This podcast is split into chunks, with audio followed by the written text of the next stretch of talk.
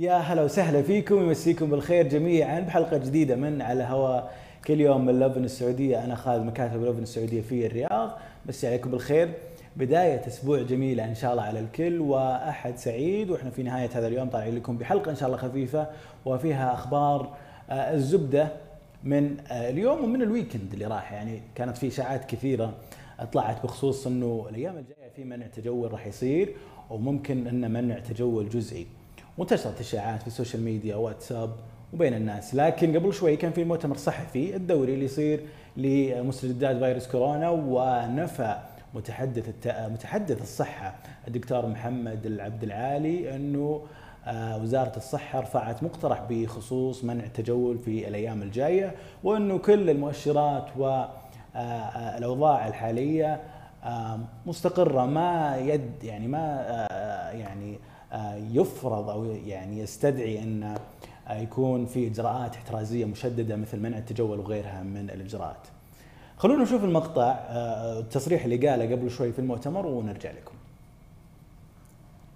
إعادة فرض التجول في الأيام القادمة بل هنالك ما أشيع من أن وزارة الصحة قد رفعت طلبا بذلك مؤخرا أو حاليا أؤكد بأن وزارة الصحة لم تقم برفع مثل هذا الطلب لإجراء المنع للتجول حيث أن ولله الحمد المستويات الموجودة حاليا وما نرصده من مؤشرات أو, أو خدمات صحية تقدم ومستوى الطلب عليها في مستويات لم يصل إلى المراحل التي يتم فيها تقديم مستويات احترازية مشددة إلى هذا المستوى ولله الحمد.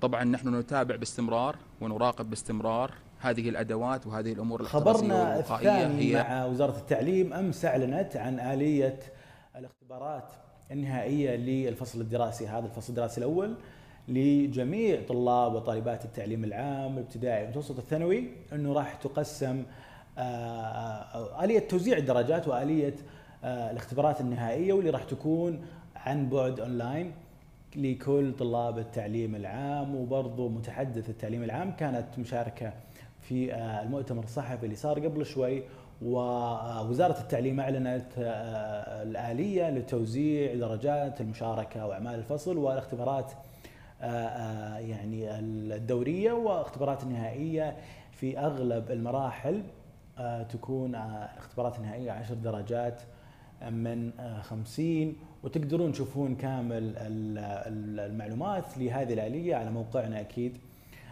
في lovensaudia.com خبرنا الثالث نختم بشيء خفيف ولطيف. وقائمة جميلة من القوائم والتوب ليست اللي يسويها تيم لوفن السعودية على موقعنا.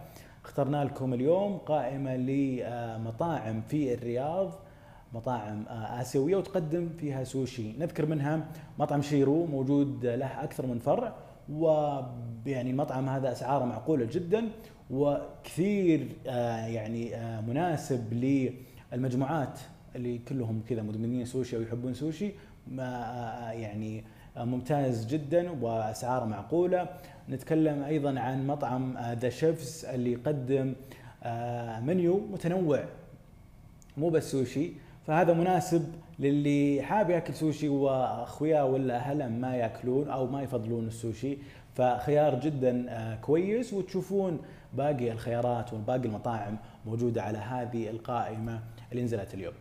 هذه كانت حلقتنا اليوم هذه كانت أخبارنا اليوم. لا تنسون تشوفون آه، حلقة ذا لوفن شو وضيف هذا الأسبوع الفنان الشاب الجميل متعب الشعلاني يوم الثلاثاء الساعة خمسة ونص العصر.